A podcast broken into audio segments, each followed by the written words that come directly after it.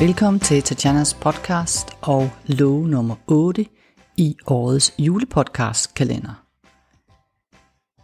I dag handler det om brugen af nogle helt særlige ord, nemlig kan og vil, man og jeg. I terapien har jeg altid et ganske særligt fokus på, hvilket ord klienten bruger. Bruger klienten helst kan eller vil, siger klienten jeg eller man. Hvis jeg har en klient, som eksempelvis siger, ah, det gør man jo ikke, så spørger jeg altid, hvem er man? Første gang kigger de altid sådan lidt forundret på mig. Nogle kigger nærmest lidt overbærende. Ah, det er jo selvfølgelig mig, siger de så. Okay, svarer jeg. Hvordan ville det være at sige jeg i stedet for mand? Og de opdager så, at der er en verden til forskel mellem at sige man og sige jeg.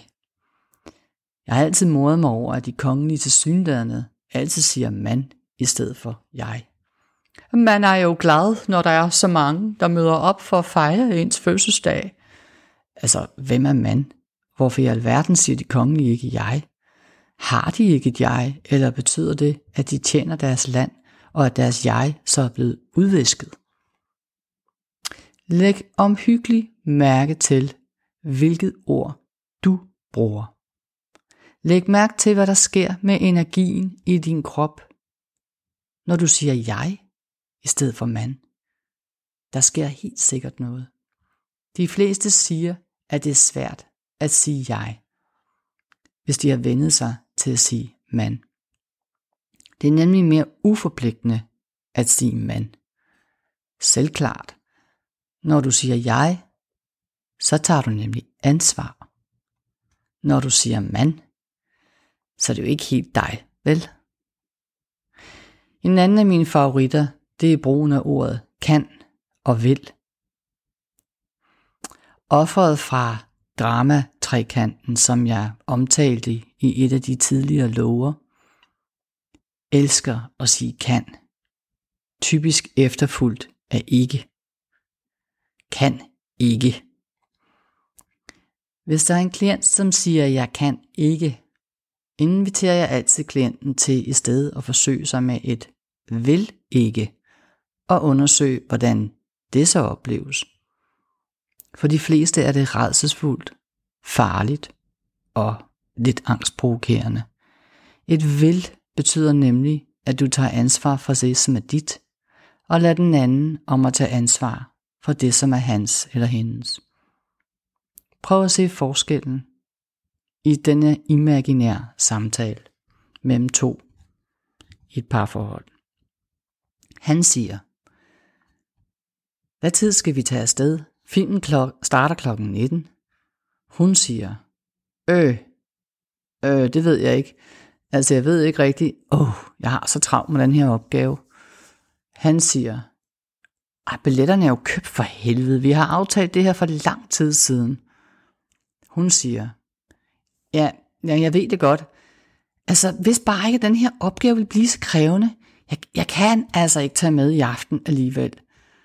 Han siger, ej for helvede, det er jo bare dit sædvanligt dårlige planlægning. Nu har jeg smidt penge ud af vinduet til ingen verdens nyt.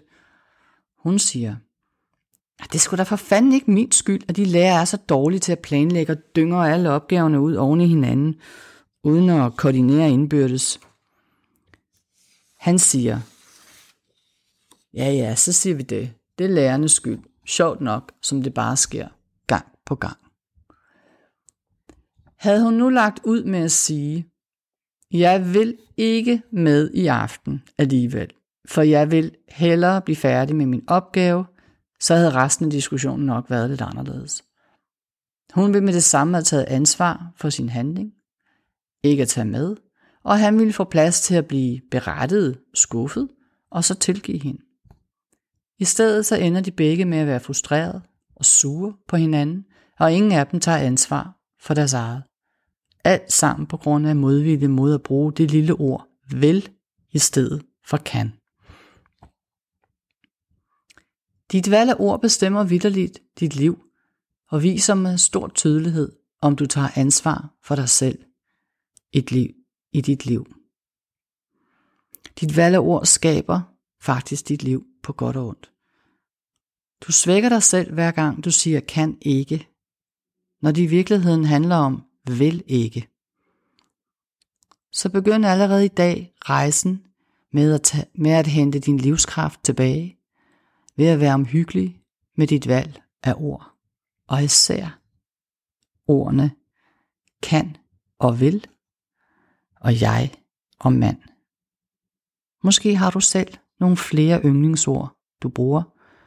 Prøv en gang at lægge mærke til, hvornår du bruger dem, og hvad de gør ved dig. Tak fordi du lyttede med.